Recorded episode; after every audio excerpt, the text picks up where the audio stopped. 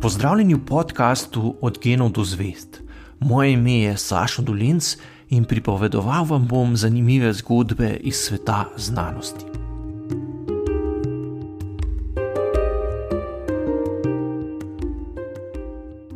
Zadnje čase smo vse pogosteje soočeni z ekstremnimi vremenskimi dogodki, ki se sicer zgodijo le na nekaj deset ali celo sto let.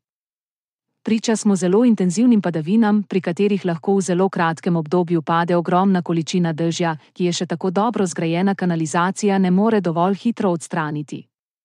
Letošnje poletje so v sredozemskih krajih izmerili tudi nekaj rekordno visokih temperatur, zaradi izrazite suše pa se je Cerkniško jezero prvič po skoraj dveh desetletjih povsem izsušilo. Bistveno večja pogostost ekstremnih vremenskih pojavov je jasen znak, da se naše podnebje spreminja.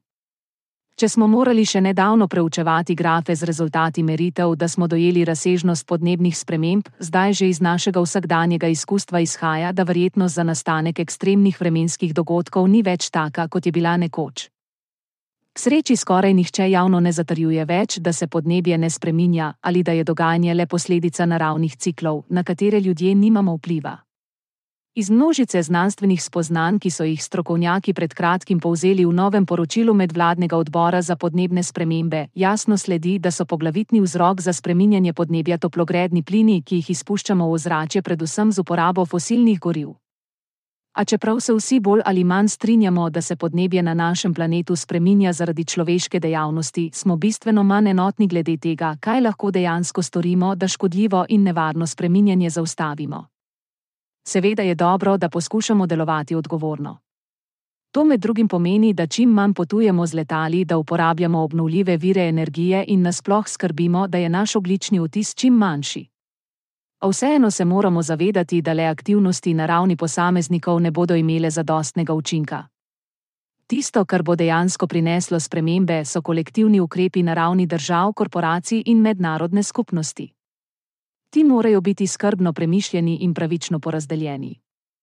Če želimo preprečiti, da bi podnebje prešlo v obliko, ko obsežni deli planeta ne bodo več primerni za življenje, za večino ljudi pa se bo občutno znižala kakovost bivanja, moramo spremeniti kolektivno razumevanje trenutnega stanja. Naša prizadevanja morajo biti usmerjena predvsem v ustvarjanje prevladujoče miselnosti, v kateri politiki, gospodarstveniki in drugi vplivneži ne bodo mogli delovati drugače, kot da bodo sprejemali učinkovite ukrepe za prilagajanje na podnebne spremembe. Za začetek se moramo voljivci v čim večjem številu javno izreči, da na naslednjih volitvah ne bomo glasovali za stranke, ki ne bodo imele dobro pripravljene strategije zelo jasnih podnebnih ukrepov. Podobno kot politične stranke lahko naslovimo tudi podjetja in organizacije. Obljubiti si moramo, da ne bomo kupovali izdelkov in storitev podjetij, ki se ne trudijo, da bi zmanjšala svoj oglični vtis in preprečila druge oblike škodljivega vpliva na okolje. Prav tako mora vsaka občina svoje prebivalce natančno seznaniti, kako se bo spremenilo podnebje posameznega kraja. Strokovnjaki te podatke že dobro poznajo, težava je le, da jih marsikje še vedno niso dovolj jasno in razumljivo predstavili krajanom.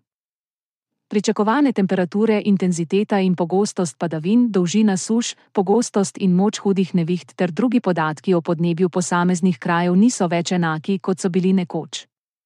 Še posebno vsi, ki se ukvarjajo s kmetijstvom, morajo spoznati, da razmere nikakor niso več enake, kot so bile pretekla desetletja, kar pomeni, da se je treba tudi glede kmetovanja prilagoditi novim okoliščinam.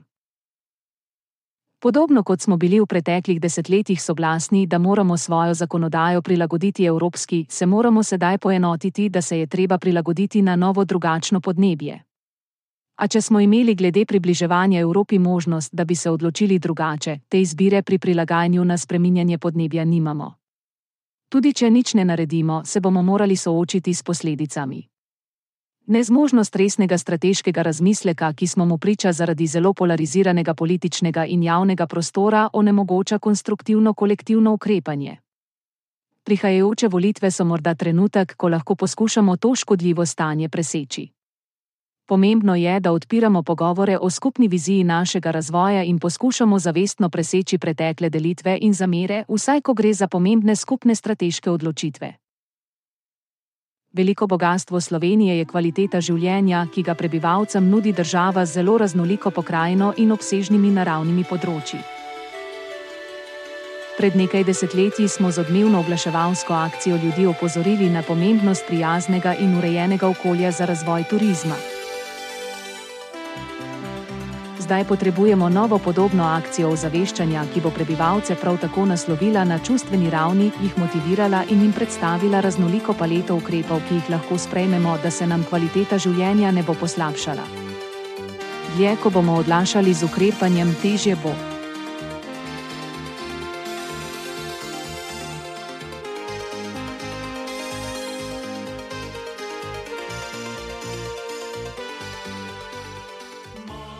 To je bil podcast Od genov do zvest.